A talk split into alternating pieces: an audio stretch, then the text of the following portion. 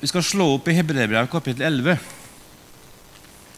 Og den eh, forfatteren der, som det er diskusjoner om hvem som skrev, det er ingen som har helt uh, klart å konkludere, så det er i hvert fall skrevet av noen som kjente den gamle pakt godt, uh, og som kunne kommunisere der. Der står det altså kapittel 11 vers 1. Troen er et pant. Pant det er et bevis på at du har noe. Alle dere som har kjøpt dere leilighet eller hus, vet at dere har, et, dere har et papir som er et pant på at dere eier den eiendommen. I hvert fall banken eier den inntil dere har betalt den ned. Men dere har rett til å bo der og være der. Altså Troen er et pant på det vi håper, et bevis på det vi ikke ser. For sin tro fikk de gamle godt vitnesbyrd i tro forstår vi at verden er skapt ved Guds ord, og at det vi ser, har sitt opphav i det usynlige. Så i dag skal vi altså snakke om det som er grunnleggende med å være kristen, og som er helt forskjellig fra å være en som ikke tror på Gud. Nemlig vi lever ikke ut ifra det vi ser.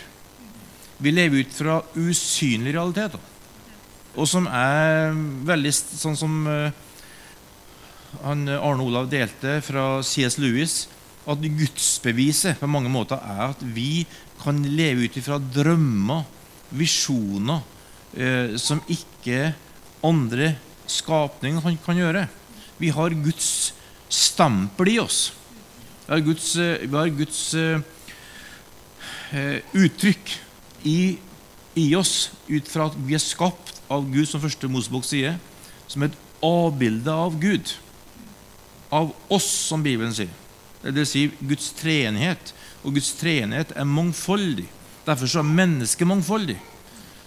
Selv om vi er mennesker, så er det ingen i denne salen som er lik. Det er bare det er så fantastisk. Tenk på det. At selv om mennesket er skapt av Guds bilde og uttrykk i Gud, så finnes det ingen kopier. Det er kun når mennesker begynner å tulle med det her og klone ting, at det blir kopier. Men Gud er unik, og han skaper oss unikt og, og spesiell. Med en helt spesiell plan og hensikt. Og, og uh, samtidig så er vi mennesker. Ikke A- og B-mennesker, ikke slitt mennesker og mye mennesker, men alle som er skapt av Gud, er mennesker. Derfor, der Guds rike kommer, vil et barn en gammel person som har levd livet, kanskje ikke lenger har alle funksjoner intakt. En person med Downs syndrom uansett vil bli behandla som menneske. For menneske er menneske. Guds bilde. Så skal du ha et uttrykk for Guds rike, så se hvordan de blir behandla som ikke er produktiv, som ikke er effektiv. For det er når mennesker begynner å tulle med det her, så begynner vi annen, annen målestokk. Men for Gud er det sånn hvis du er skapt som menneske, så er din verdi i det bildet av Gud i det. Ikke din, ikke din effektivitet, din produktivitet osv. Det er en annen side, men en kjempeviktig side, og kommer til å bli mer og mer viktig i tida framover. Men så kom da fallet som vi alle eh, har hørt om, første Mosebok 3, der mennesket fulgte fristeren og Satans eh, fristelse til å si nei til å leve i Guds bilde, nemlig å leve i fellesskap med Gud. I stedet for å si vi lever i fellesskap med Gud, så vil vi bli Gud lik. Vi blir som Gud. Vi skal være Gud sjøl, og så sier Gud da dør dere. Det som døde den gangen, det var vår evne til å ha fellesskap med Gud og til å leve i Guds verden og se ting som Gud ser. Og så ble mennesket bare jordisk.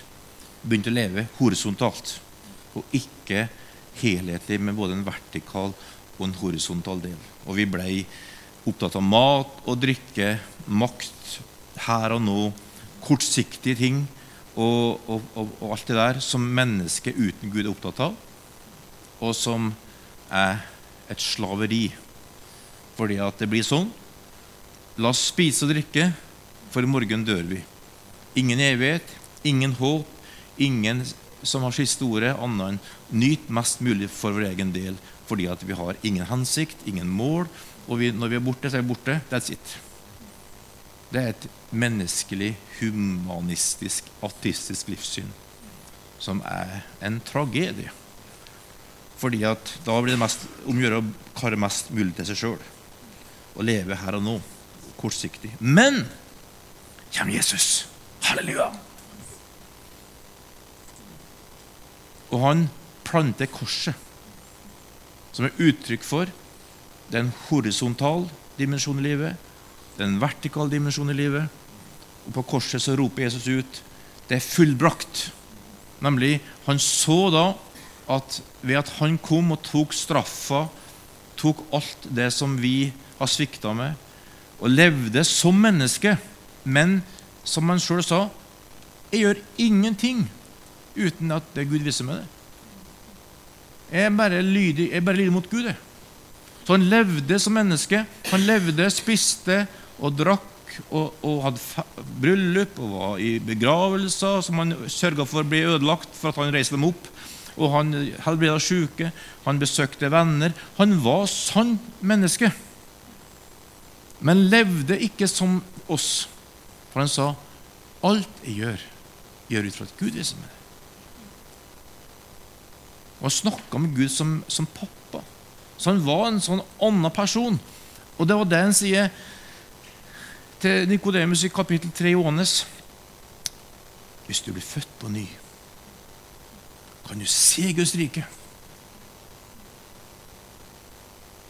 Og så fikk vi gjennom hans død oppstandelse del i det livet. Derfor så er det Jesus sier når han står opp igjen fra døde til disiplene Ta imot Den hellige ånd. For at vi blir født på ny, bøyer oss for Jesus Kristus som Herre og Konge, gir Han vårt liv, gir avkall på selvisk selvrealisering og sier 'Herre, du er konge. Vi vil følge deg'. Så fyller han oss med sin Hellige Ånd, og så åpner han igjen opp den verden som er Guds verden. Der vi er skapt til å leve som sant menneske men med en forståelse av Guds verden. Leve i tro. Det er fantastisk. Det er, en, det er, det er et privilegium. Så, så, eh, vi blir ikke mindre menneskelig, men vi blir helhetlig, sånn som Gud har skapt oss. Der vi kan leve med å være sann menneske, men også skjønne at det er en himmel over oss. Jesus lever, og Gud har en plan for oss. Og, og, det er noe helt annet liv. Så da skal vi se litt på det her, eh, greia her. Da. Og, da, og da skjønner vi, da, ut fra det FS-brevet sier, at tro er en gave fra Gud. Efeserbrevet kapittel 2 vers 8 og 9 sier, sier Paulus Fra nåde er det frels ved tro, ikke deres eget verk, men Guds gave. Vil ikke gjerninga, for ingen skal rose seg. Det vil si at når du hører evangeliet, når du hører Guds ord, så kommer tro til det. Og det eneste du kan gjøre, det er å si takk og ta imot. Og da får du del i Guds liv. Du blir frelst, står det. Ved tro. Det er fantastisk. For det ingen, har ingenting med hvor flink du er til å sprenge 100-meteren, ingenting å si hvor mange du, dager du klarer å faste og be. Det er ingenting å si hvor, eh, hvor stor karakter du har. Du får høre evangeliet, og du hører at Jesus har dødd på korset.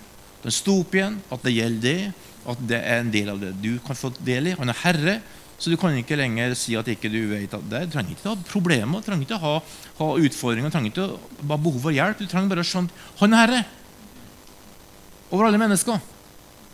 Jeg trenger Han som min Herre. Og så får du tro.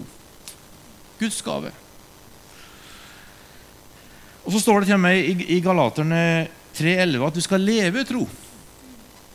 Det samme sier Romeren 1, vers 16-17. Så du er kalt til å begynne å leve i tro. et helt annet liv enn det som var før. Og, og, eh, og i Johannes, nei, Hebreeren 12 to sier at Jesus er troens opphavsmann og fullender. Så Jesus er kildetro, og han gir tro. Så du er, ved at du er tatt imot evangeliet, ble kristen, kom inn i Guds trosverden, som en reell verden. Ikke en, ikke en drømmeverden. Og Det betyr at vi tenker annerledes. For eksempel det er, det, Ta et veldig praktisk eksempel. Vi, vi, akkurat nå er det ferietid. Ferielønn. Feriepenger. Hvis du lever menneskelig vis, så vil du tenke nå kan jeg få brukt mest mulig til min egen del. Fordi at nå har jeg fått feriepenger, og jeg har uh, lyst til å bruke den på best mulig måte. For jeg skal få mest mulig igjen for den. Så det er min verden. Ferdig med det. Det er en vanlig uh, mennesketenking. Mens en, en, som lever i tro, vil tenke Gud har velsigna meg med penger. Og jeg har et ansvar for meg og min familie. Vi skal ha hus og heim og alt det der. Men samtidig er penger det er såkorn. Som vi kan bruke for å se mennesker bli velsigna og forvandla. Så hvordan vil du, Gud, at vi skal bruke de pengene her for at folk skal oppleve din velsignelse og din nåde og ditt liv? Så du vil, du vil tenke at pengene er ikke dine, det er Herrens. Men han er god, så han velsigner med dem. Du skal få nyte det. Men du tenker at det er mer enn det. Det er for at du har en forståelse inn i den usynlige verden. Eller Eller hvordan du prioriterer tida di. Jeg tenker at en dag skal jeg stå framfor Kristi domstol og svare for livet mitt. Så det jeg gjør i dag, går inn i den møtet med Jesus det framme en gang. Som gjør at uh, du prioriterer annerledes. Du velger å gjøre ting som kanskje alle ikke velger. Og du tenker ikke 'Å, stakkars meg som må være kristen og leve sånn som det her'. Tenk at jeg ikke kan drive og, og, og, ha svart arbeid i huset for å spare litt penger. Tenk at jeg, jeg velger å, å, å, bruke tid og penger på det her framfor meg sjøl. Det er jo fælt å være kristen. Nei. Du tenker sånn. Så tenk for et privilegium at vi skal få leve i evighet sammen med Gud. Så alt jeg gjør, må være ut fra et evighetsperspektiv. Derfor så velger jeg å gjøre sånn, for jeg skal ikke leve her i 80-90 år og så dø og bli, bli, borte. Nei, jeg skal leve sammen med Herren for alltid. Så alt du gjør, gjør går ut fra et evighetsperspektiv. Et langsiktig perspektiv. Og da gjør du det med glede og forventning og takknemlighet. Derfor så lever du rett uten alltid du lever behagelig og komfortabelt. Men det er fantastisk. Fordi at eh, vi vil da ofre ting for å oppnå noe langsiktig for Gud. Wow! Og det er det som gjør at vi finner hverandre. For at Jesus har en egen evne til å finne eh, til å, føre oss sammen. Så skal jeg snakke om fire konkrete konsekvenser av å leve i tro. Ok? Er dere med så langt? Bra. Det er, første er at når du tar imot evangeliet og blir frelst og får i og får Guds liv på innsida, så får du altså del i det himmelske synet som Jesus har. Og Hva er det for noen ting? Altså Det himmelske synet det er det som Paulus refererer til når han skal svare for for eh, kong Agrippa når han blir forfulgt. Han, han, gjentar det flere ganger når han blir eh, forfulgt som eh, disippel. For Paulus var jo en som, som forfulgte kristne, og som eh, ikke så bare, at det her var Gud. Han bare tenkte at her er imot alt vi tror på. Så han forfulgte kristne, og han eh, prøvde å fengsle dem. Så ble han møtt utenfor Damaskus, og der falt han ned på jorda, måtte bli leid inn i byen. Du leser om apostelgjerningen 9. Og så blir han sittende i tre dager. Der møter han Jesus. Så sender altså Jesus til han en enkel disippel. Jesus slo han ned til bakken. Han tok fra han synet. Han kunne bare frelsen der og da. Ferdig med det. Og så kunne han ha gått og sagt 'Jeg har møtt Gud'. Hallo. Men han gjorde noe veldig genialt. Han sendte en disippel, Anias, som ingen visste om. I hvert fall ikke andre i Bibelen. Det bare, står bare om han. Og han trengte litt mot. da. For jo, Han visste jo at han var en forfølgt, som fulgte kristne. Så han sa du må bare gå. Han ber til meg. Så Anias drar til ham, og så møter han Paulus, Saulus som het den gangen. Og så ber han for ham, slik at han får tilbake synet, og så blir han døpt. Og så får du da får da Paulus der et syn mens han sitter der. Som et himmelsk syn, og som jeg håper du og jeg har fått. Nemlig du trang å møte kongen over alle konger, som slår deg ned, som er større enn deg, og som bare du er en liten, liten, liten dråpe i havet. Han er bare så stor. Han er så fantastisk. Han er skaper over himmel og jord. Han har hele verden i sin Han Han har full kontroll. Han er før alle ting. Han er utafor tid og rom. Så han er, du, kan, du kan bare se hva som blir oppdaga i, i, verdensrommet av, av nye melkeveier. Det er så enormt at vi har ikke sjanse til å fatte det. Det er, det er, bare Matematikken går bananas. Du skal bare regne på, på, tid og størrelse. Og, og, og, Det er helt utrolig. Gud er stor! Han er fantastisk! Og så er Gud nær. Så Paulus fikk se Guds storhet. Og så møtte han en bror som gjorde at han fikk syn igjen. Fra da av så fikk Paulus et, et syn som viser Guds plan med sin menighet, som Paulus brant for resten av livet. Og som han sier i Festerbrevet 4, at menigheten skal bli, det, bli Kristus på jord. Det modne mennesket med hele Kristi fylde. Tenk på det. Altså, din erfaring og vår historie i verden er ingenting imot det Gud kommer til å gjøre.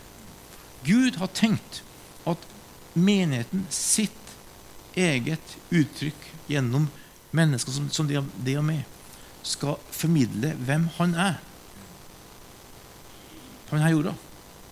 Slik at det kommer til å komme ei tid, og jeg ber om at det skal skje mens jeg lever, der folk kan komme til en, komme, komme til en by som Trondheim og si Fins Gud her? Er Gud denne byen her? Ja! Han er her. Og de som tror på Han, de samles der, og de samles der, samles der, og de samles der. Der er det forsoning, der er det helbredelse, der er det gjenreisning, der er det liv, der er det glede. Der er det plass for alle slags typer mennesker, alle slags, alle slags aldre. Der er Guds liv. Der foregår det som himmel på jord. Der er lovsang og takk og jubel. Nidarosdomen er jo et fantastisk byggverk. Jeg skjønner at folk vil komme hit og se på det. Men når Jesus uttrykker seg gjennom en kropp Det vil bli attraktivt. Når han gikk omkring og fungerte i Guds kraft og helbreda alle som underkua djevelen, som var på strenger 1039 sider. 38. Så strømma folk til i tusenvis. Og det kommer til å skje. Og, og, og, og eh, det, det, det, her, Du kan tro på det har med at du har fått del i et himmelssyn. Så du har fått en evne fra Gud til å se dette bildet. Du ser, du ser på de folka her. Du ser på de som vitner her i dag, litt. Så tenker du ja, det var jo, det var jo ganske greit, da. Ok. Det var jo ikke verst, den delte der. Men det er ikke akkurat noe som, eh, som bekker overalt her. Men hvis du ser forbi det ytre Hvis du ser forbi det menneskelige, så ser du at her fins det gull fra Gud som kan gjøre mye, mye mer enn det du, det, det du forstår. Det er det som er hele historia i Bibelen. Og som er historia i verden. Den største vekkelsen i Norden er den lastianske vekkelsen, som starta i 1850.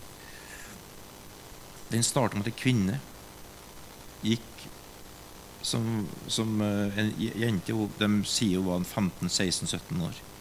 Gikk til Lars Leve Lestadius og ba for han, så at han fikk helåndskraft. Og fra det, det møtet med den kvinna, jenta, så ble han forvandla. Og mange hundre tusen mennesker møtte evangeliet. Hele den lesteranske vekkelsen som berørte hele Nord-Sverige, Nord-Norge og Nord-Finland, deler av Russland, vokste fram. Og samisk kultur ble ikke ødelagt av alkoholisme, men vokste fram som en kultur med språk og, og kraft. Og den, be, be, den best dokumenterte vekkelsen på sosial forandring for at Svenskene holdt et veldig godt system på hva som skjedde av barnedødelighet og helse og skolegang. Og fra 1860 til 1900 så skjedde alt sånt. For at folk slutta å drikke og slåss og begynte å arbeide og bruke pengene til familiene sine. Barnedødeligheten datt som en stein, blant annet. Og hvis Jesus har fått kroken i det, sånn som Paulus fikk Da slutter de å tenke Hva kan jeg få ut av det her? Hva, hva er bra for det her for min del? Hva, hva liker jeg? Hva syns jeg er bra? Hva, hva syns jeg er flott? Plutselig så tenker du det her handler jo ikke om meg, det handler om Jesus. Handler ikke om meg i mine behov, det handler om han. Fordi at visjon av en kropp, en menighet som består av mange lemmer, altså mange mennesker som er sammen, det betyr at det eneste som kan holde her sammen, er Jesus. Ikke et lederskap, ikke sterke ledere eller, eller svake ledere eller kollektiv lederskap. Den eneste som kan samle Guds folk, er Jesus Kristus. Ingen andre. Og da starter det med at vi begynner å anerkjenne Han som er i vårt eget liv. Og det, og det første som skjer da, det er at vi faktisk begynner å forstå at Han er herre i menigheten. Vi hadde besøk på fredagen av hun som var mor til, til han som ble solgt huset til oss. Uh, hun ville se hvordan det var. selvfølgelig Det var artig for henne å se huset igjen. Og så, så fortalte hun ja, sånn hadde han Stig det. Ja, sånn møblerte han det. Så tenkte jeg ja, det gjorde han. For han eide huset den gangen. Men nå eier vi det. Og nå vil vi det som vi vil ha det. Hvis huset er Jesus sitt hus Det har ikke jeg veldig mange meninger lenger om hva som skal være her. Da sier Jesus det er ditt hus. Jeg liker ikke møbleringa di. Det passer ikke med akkurat nå. Men du som er sjefen Halleluja, Herre. Du er best. Du er god. Du elsker meg. Du gjør det som er best for meg. Du er den som skjer mer enn meg. Halleluja. What? Who cares? For det, da skjer det fantastiske. At vår selvvilje, vår selviskhet, vår egoisme må bøye seg for Jesus. Og da skjer det fantastiske at folk vi finner hverandre.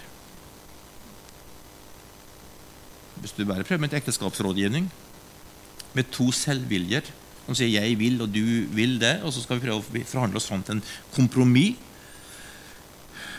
Og det er slitsomt. Det er et pass. Det er et hassle. Det er din tur og min tur, og nå er det mitt, mine greier, og nå er det dine greier. Og så må passe på at det er likeverdig og balanse. og det er et håpløst prosjekt. Helt til at de bare sier Vet du, jeg elsker det. Min vei er så delikkelig. Du er den beste kona i verden. Halleluja! Og hun sier Vet du, det her handler ikke om meg, det handler om oss. Og jeg elsker det. Jeg har respekt for det som min mann. Halleluja. Så blir ikke deg og meg som forhandler oss fram. Det blir et vi med et, et stort felles opplegg. Åh, det er fantastisk! Alle som prøvde det der, kan fortelle om fra helvete til himmelen i ekteskapet. Samme folka, samme omstendighetene, men en helt annen verden. For forhandlingsprosjektet ble et prosjekt der vi laga avkall på oss sjøl for å gå inn i noe felles, et stort vi. Akkurat som menighet. Det er vi. Og det vil si at uh, du har faktisk blitt født inn i en familie. Og uh, da kan du spørre da, hva er det for noe. Hva sier vi i Apostelgjerninger 2, 42? At de holdt trofast fast på apostlenes lære, brødsbytelsen, fellesskapet, bønnene. Og eh, nå er det et veldig enkelt spørsmål til oss. Hvis du og jeg har fått del i en himmelsk visjon av Guds menighet, hvordan ser uka vår ut da?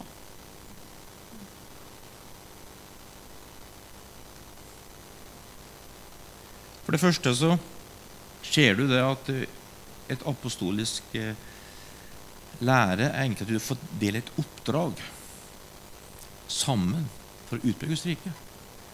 Så Du skjønner faktisk det at du er kalt til å være sammen med de andre hellige til å, til å utbre Guds rike. Det er mange ting, men det er noe av det.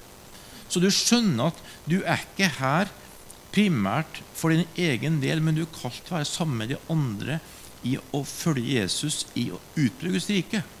Og du skjønner at du slipper å jobbe med passe inn. Eh, er det her noe for meg?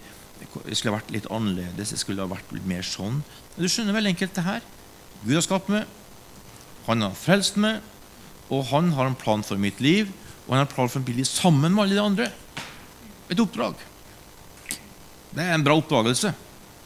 Og så sier han at, eh, at eh, vi kommer inn i, en, inn i, en, inn i en, eh, et fellesskap og, en, og et brødsbytelse som, som de holder trofast fast på. Dette er en stor greie for oss.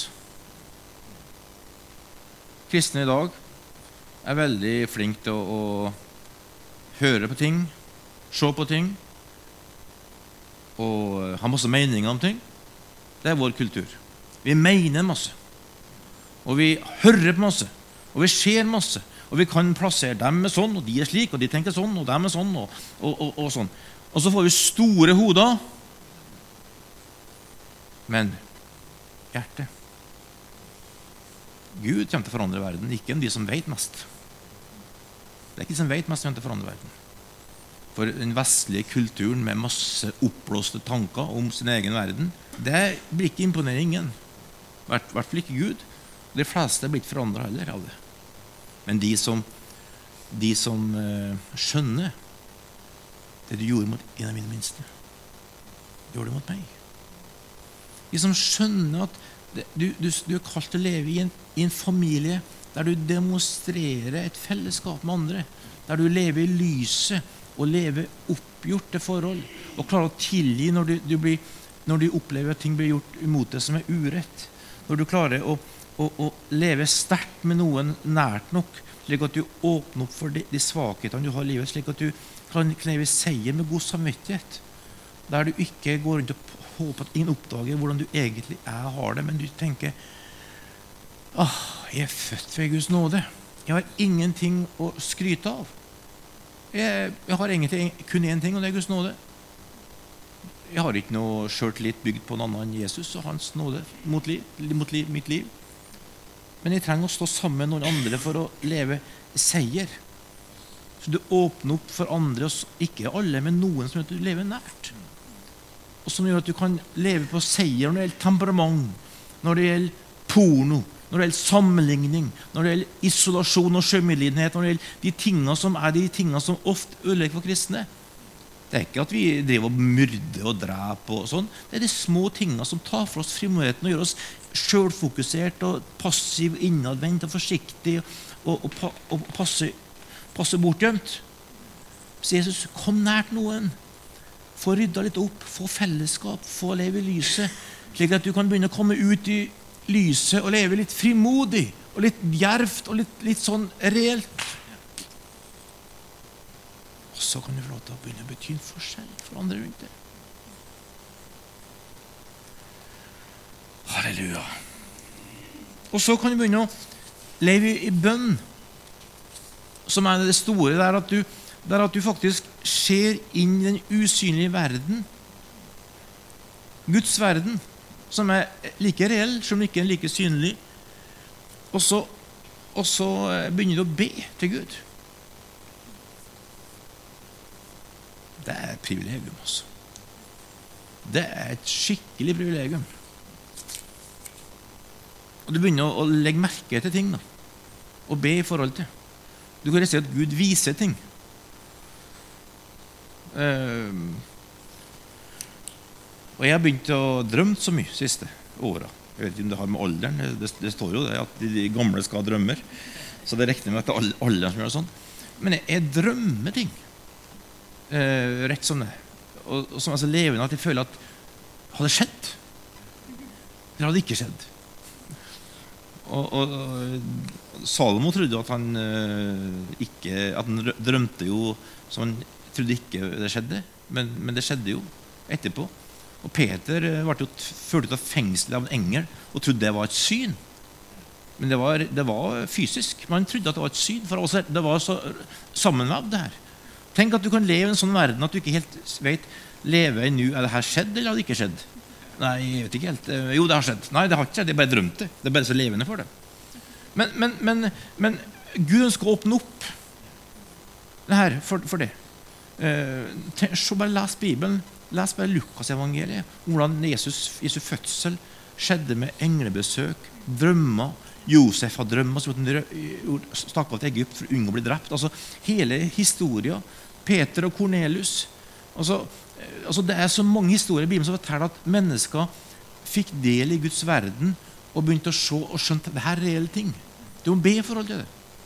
Og, og, og ikke liksom eh, altså Ikke, ikke neglisjere, begynn å legge merke til tingene der. Og be. Begynn å, begynn å legge fram for Gud og spørre hva betyr det her. Eh, siste tida har jeg sendt mail, jeg har ringt til folk. Jeg har uh, gått i bønn for dem uten å ha gjort noe mer. Ut fra at jeg har, Gud har drømt. Jeg, jeg, jeg har drømt og, og, sett ting her inne om natta som bare har gjort at jeg våkna opp. Nå våkner jeg opp og går litt på do om natta. Jeg er så gammel at jeg er blitt så gammel. Men, men av og til så våkner jeg opp med andre grunner. Og så begynner du å gjøre ting. Si ting. Notere ting ned. Det er fantastisk. Skulle ønske å bruke det. Ikke lese ja, det var bare Nei, det var ikke bare du. Den tanken du fikk om, om eh, det du skal gjøre. Gjør det. Den, eh, den, den SMS-en du tenkte på, eller den, eh, den Messenger-meldingen du tenkte å sende En liten oppmuntring som bare skaper en forandring. Akkurat den personen, akkurat det øyeblikket. Det er Kristi kropp i aksjon. Og du vet ikke om du er en person med to brød og fem fisker. Som er kilden til et mirakel som Jesus kan bruke.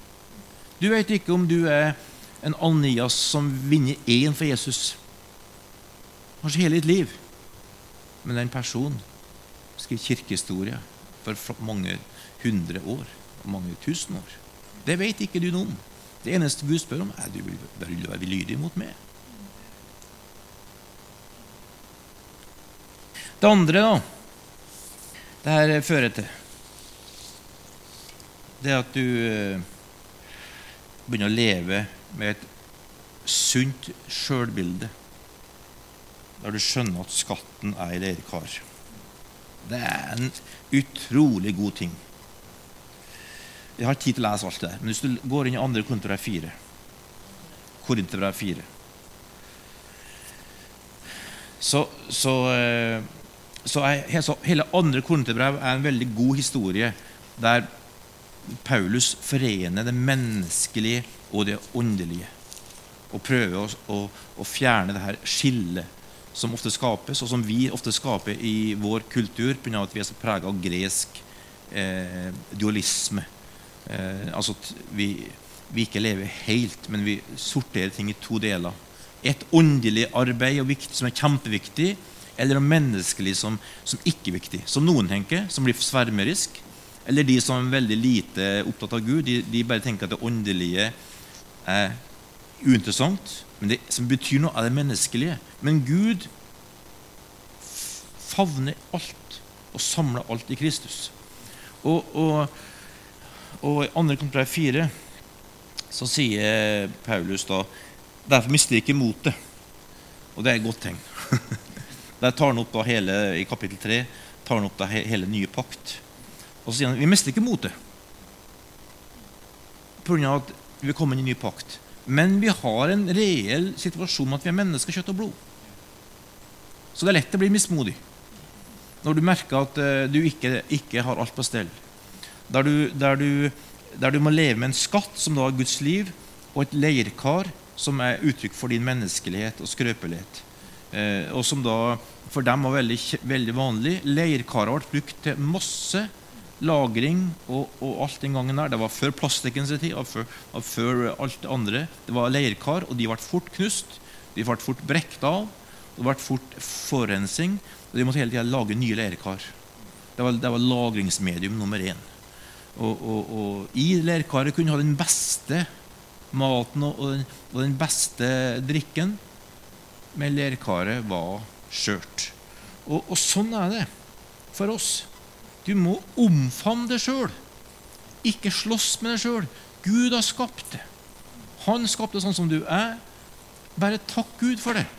Du skulle ønska Ja, men du kommer ikke til å bli, bli, bli, bli velsigna og glad ved å prøve å være den andre enn den du er. Du er nødt til å samarbeide med deg sjøl. Og du passer helt fantastisk inn i Guds plan. Det er, det er gode nyheter, altså. Du er, du er, skapt for å tjene Gud. Og du, er, du passer utmerket inn i Guds plan, men du er ikke skapt til å leve alene. Så den utilstrekkeligheten du føler, bare minner deg om jeg trenger søsken. Jeg er en del av en familie, Guds menighet, og jeg skal ikke være alt, jeg skal ikke få til alt, men jeg har en, en rolle i Guds store plan og vilje. Den kroppen her består av sju milliarder pluss celler. Den funker genialt. Den funker sammen. Det er ikke sånn at, alle, at jeg har fire føtter og, og, ingen hender. Det er heldigvis to føtter og to, to hender. Det er en genial oppdagelse. det der og erfaring. Og sånn er det. Som Paulus snakker om i 1. kontrakt 12. Han sier ja, men hvis jeg kunne vært noen annen enn jeg Nei, glem det! Si Gud, sånn er skapt. Jeg skulle ønske Glem det. Ja, men hvis ikke, gå den veien. Kom til stede i ditt liv. Bli til stede i ditt eget liv. Si 'Her er jeg. Sånn har jeg det. Slik er jeg skapt.'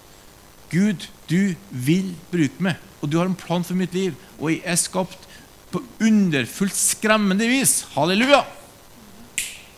Det, er god, det, det bør du si til deg sjøl hver dag.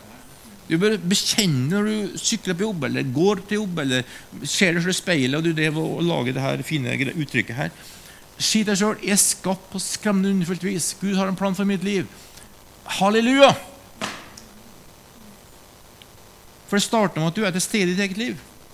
Og så, og så har du en skatt. da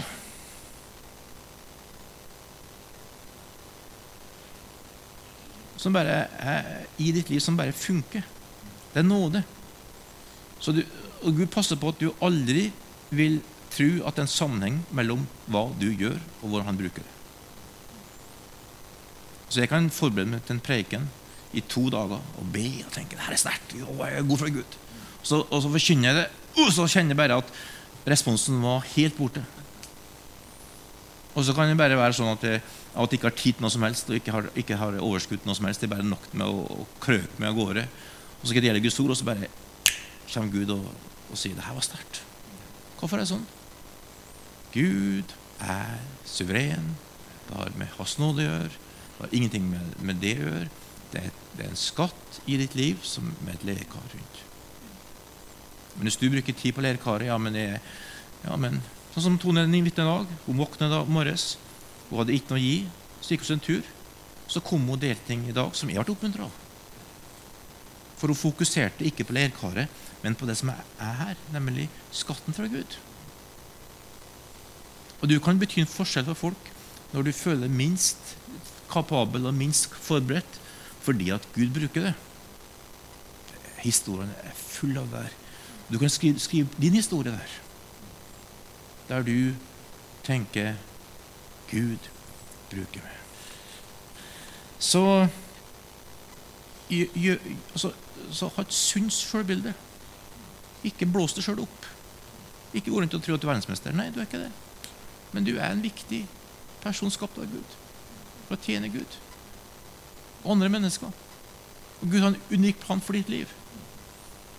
Men det er sammen med det hellige du vil oppleve og erfare at du vil finne sammenhengen og meninga og gleden og freden.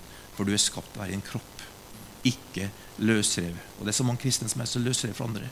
Og De finner aldri meninga med livet. De finner aldri sin plass. Nei, selvfølgelig ikke! For de skapt til å være en del av en kropp. Og så kan du ja, men 'Jeg vil ha det sånn. Jeg vil ha det sånn. jeg vil ha det sånn.' Og så driver man og krangler. Og så, og så er det, men folk i min alder, som er nærmest 60 år, som ennå sliter og strever fordi at de aldri har funnet seg i et forpliktende fellesskap med andre søsken. Der lærer lærer å være ydmyk, lærer å være overværende, lærer å leve åpent, lærer å gi, lærer å være sammen og gråte sammen og le sammen. Og lærer at det her er en familie, og de til og med glad i venner er i dårlig form og dårlig humør, så er de likevel mine søsken. Halleluja! Så begynner de å leve ut. Og så begynner de å komme inn i en plass der jeg trenger ikke være alt. jeg kan være, Denne biten kan jeg, men det her er de mye bedre på. Og så er det en del av en helhet. Det er fantastisk. Og så kan du slippe å være alt. Jeg må si, jeg er så takknemlig for den visjonen der. Fordi at jeg, har, jeg, jeg kan rekke opp så mye jeg ikke kan og som ikke får til, som ikke er i stand til. Men som jeg tenker Å, jeg søsken. Jeg har så mange gode folk. Det er, det er meningsfylt. Det er stort. Jeg slipper å banke meg sjøl opp for ikke jeg er musikalsk nok. Jeg slipper å banke meg sjøl opp for ikke jeg kan ditt og datt. Lise er så estetisk og ser ting som ikke jeg ser. Jeg spør hver dag går jeg kledd bra nå, eller må jeg kle på meg annet. Jeg slipper å tenke på det. Hun gjør det. Hun kjøper klærne mine. Halleluja. Det er bare nåde fra Gud. Jeg har litt, kommer litt opp i det der, men, men, men jeg, det er noe med å, å, skjønne at vi er en del av noe større. Så du skal rope utover Trondheim. Bli en del av noe forpliktende fellesskap og bli en del av større og bli ferdig med misnøye og klaginger og alt det der, og bli en del av et fellesskap med søsken. Halleluja. Nå ropte jeg jo inn i det usynlige. Det tredje at det her, det her forståelsen her fører oss igjennom vanskelige tider. Eh, kapittel 4, vers 16. Så gjentar han, Nå har jeg bare gått gjennom alle versene i kapittel 4, 1-15. Altså. Men det kan dere gjøre sjøl. Men fra vers 16 da, så sier han på nytt igjen Derfor mister vi ikke motet. Eh, for han sier eh, da videre i vers 18 vi har ikke det synlige for øyet, men det usynlige. For det synlige tar slutt, men det usynlige er evig. Og det her er en, bare en fantastisk greie for oss som, som har funnet tak i et liv med tro. At vi kan gå gjennom tøffe sesonger. Vi kan gå gjennom ting med sykdom, med, med, med plager på, i, i, i helsa, helsa. Vi kan ha utfordringer med ungene, vi kan ha utfordringer med økonomien, vi kan ha utfordringer med kollegaer på jobben, vi kan ha utfordringer i familien med, med familie, og søsken og foreldre. Det kan være så mange ulike ting vi har utfordringer på. Men vi stopper ikke opp og bare parkerer oss sjøl ned og går ned, men vi lever i tro og ser lenger fordi at vi har det usynlige for øyet. Det gir et håp. da. Eh, og så har du eksemplene her i Hebreerne 11. Det, det, er tre eksempler som er sterke der, som jeg bare vil si kort. En er Sara. Hebreerne 11, vers, vers 11. Der Sara altså fikk beskjed om at hun skulle bli mamma når hun var 75 år. Og var ferdig med alt som lukta av og, og, og, erfaring av menstruasjon for masse år siden. Hun kunne ikke bli mamma. Hun Hadde ikke eggløsning. Ganske enkelt tørka opp, sier Gud. Du skal bli mamma. Og Abraham han, han, stod, han så på sitt døde sjelsliv. Jeg ser for meg står og ser ned. Det er ikke mye liv. Det er ikke mye liv. Det er ikke greit å være mange og 90 år og prøve at du skal klare å få en sønn. altså. Verken for den ene eller den andre. Men det står at hun trodde Gud. Og til og med var det gått så langt at hun flira når, når engelen kom siste gangen. Fikk besøk. Bare flira. Bare visste at det her er bare håpløst. Men Gud har sagt det, har Gud sagt det. Hvis Gud har sagt det, har Gud sagt det. Det Gud har sagt til ditt liv, kan ingen ta bort.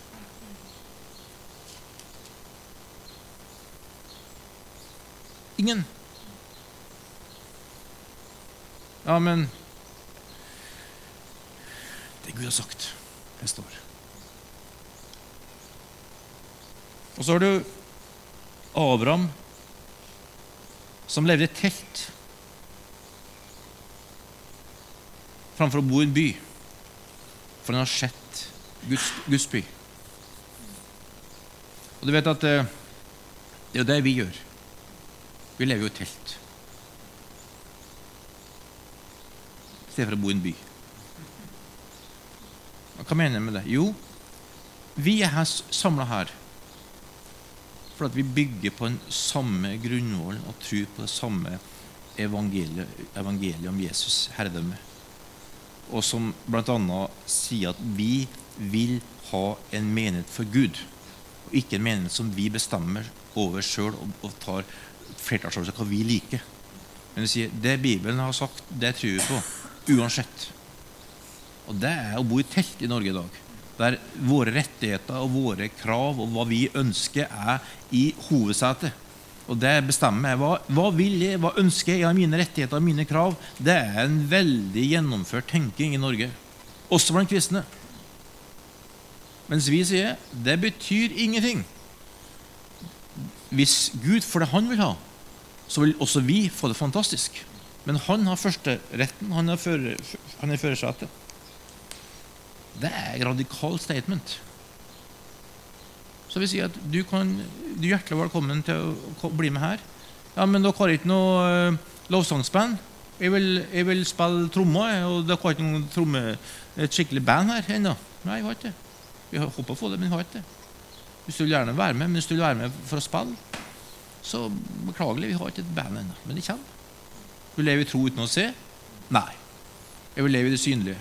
Ok, da, da, jeg kan gi det og mange gode menigheter borti her. Fantastisk gode menigheter. Gud velsigne. Halleluja. Bless you. Hvis du lever i tro uten å se, så kan du si 'Jeg skal være med'. Her er det fem gutter. Her er det seks gutter. Jeg kan gå og lære de å spille trommer. Jeg kan være med og lære dem å spille gitar. Jeg kan være med og lære dem å, og, og der er Hun der er en fantastisk trommis. Halleluja. Og hun der kan bli en skikkelig bassist. Hun er musikalsk og, og har moves. Rette movesen. Halleluja vi ser nå gir hjertet mitt for de. ikke for min egen utvikling og min egen plass, men for at de skal lykkes, så kan vi faktisk om tre-fire år her ha et svært band av unge folk som kjenner Jesus, og som spiller fletta av oss alle sammen. Halleluja! Det lever vi tro uten å se. Det er de folk som kan forandre verden. Moses i Hebreerne 11, vers 25, står det at han sa nei til kortvarig nytelse. For han så noe annet. Så forlot han, forlot han faraos hus og ble flyktning i Sinai i 40 år. Han kunne vært hjemme hos farao og nytt alt det gode der. Men han begynte å skjønne at han var en del av et folk som skulle bli fri. Og han gikk den veien. Uansett hva du står i, uansett hvor krevende det er Gud er der for å føre oss gjennom. Så eh, vi er et eksempel på at det går an å ha ei krevende eh, ungdom, unge voksne-tid med masse unger og styr. Og livet er heftig å komme gjennom.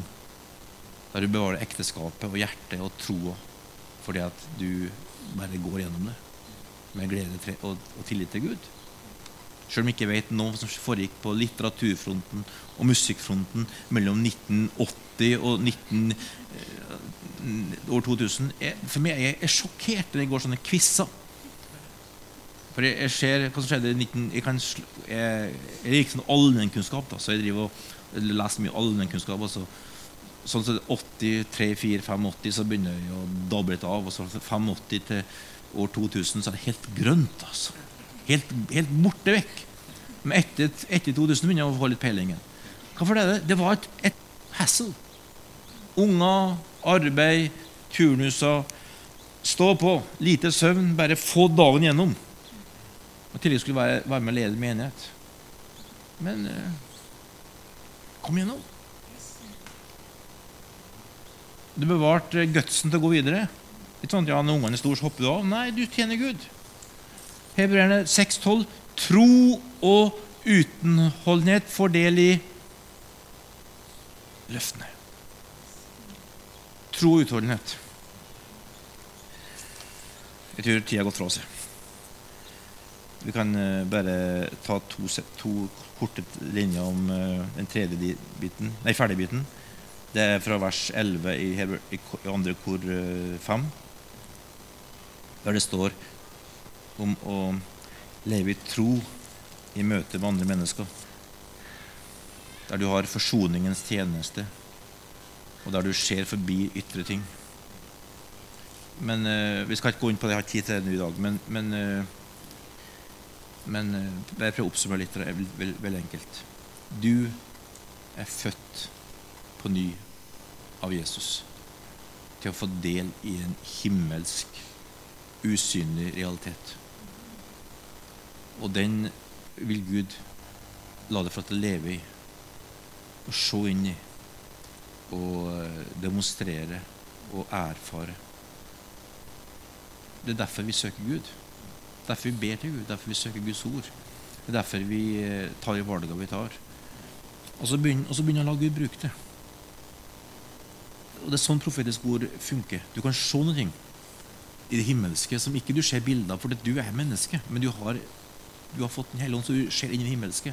Så du profeterer. Da tar du det som du ser, inn i den verden her, og så snakker du det du ser. Jeg håper du gjør det for ungene dine. Jeg håper du virkelig bedre i forhold til dem. Eller folk du står sammen med. Se inn hva Gud tenker for dem. Hva er Guds planer de har. Altså det, det, bare se de unge, ungene her er nok til å gi det to-tre timers bønnemøte hver uke. Der du ser hva Gud det, det, her, det, her, kan være unger som kommer til å skape forandring i verden. Det kan være i menneskelige ting. Vitenskap, helse, utdanning. Guds rike direkte i, i misjon eller i menighetsplanting eller hva som helst. Men Gud har en plan for dem.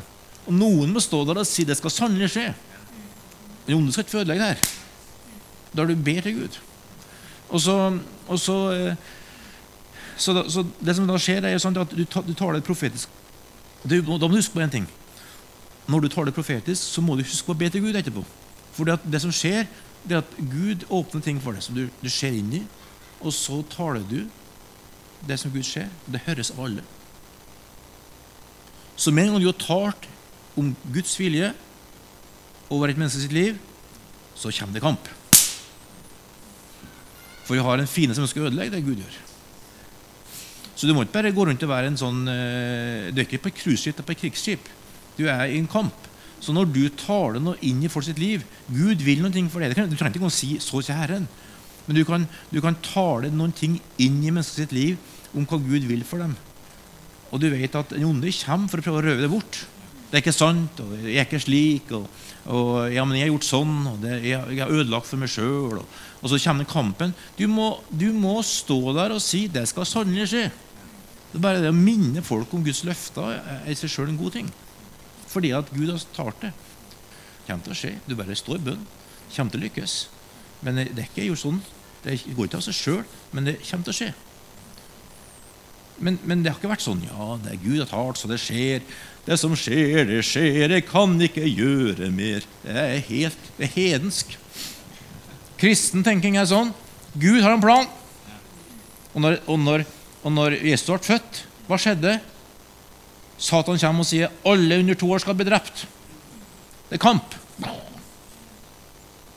Jesus kommer opp fra vannet, døpt av Johannes. Full Hellig Ånd. Blir ført inn i ørkenen. Satan kommer for å friste ham. Og korset er jo egentlig her, Og her er Guds genialitet. Korset er egentlig et uttrykk for at Satan har fritt spillerom. Der Jesus nærmeste bedrar ham svikter han og selger han til fariseere og, og skriftlærde. Og som slipper Satan løs over Jesus. Og de tror at tar, de tar Jesus, men egentlig har Jesus full kontroll, for at Gud har alltid siste ordet. Halleluja. Så Gud har alltid siste ordet. Men vi må ikke være naive.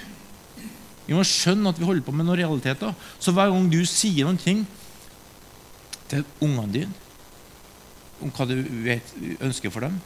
Hver gang du ønsker, altså du ser ting for mennesker som du taler, så må du huske på at det blir kamp rundt det.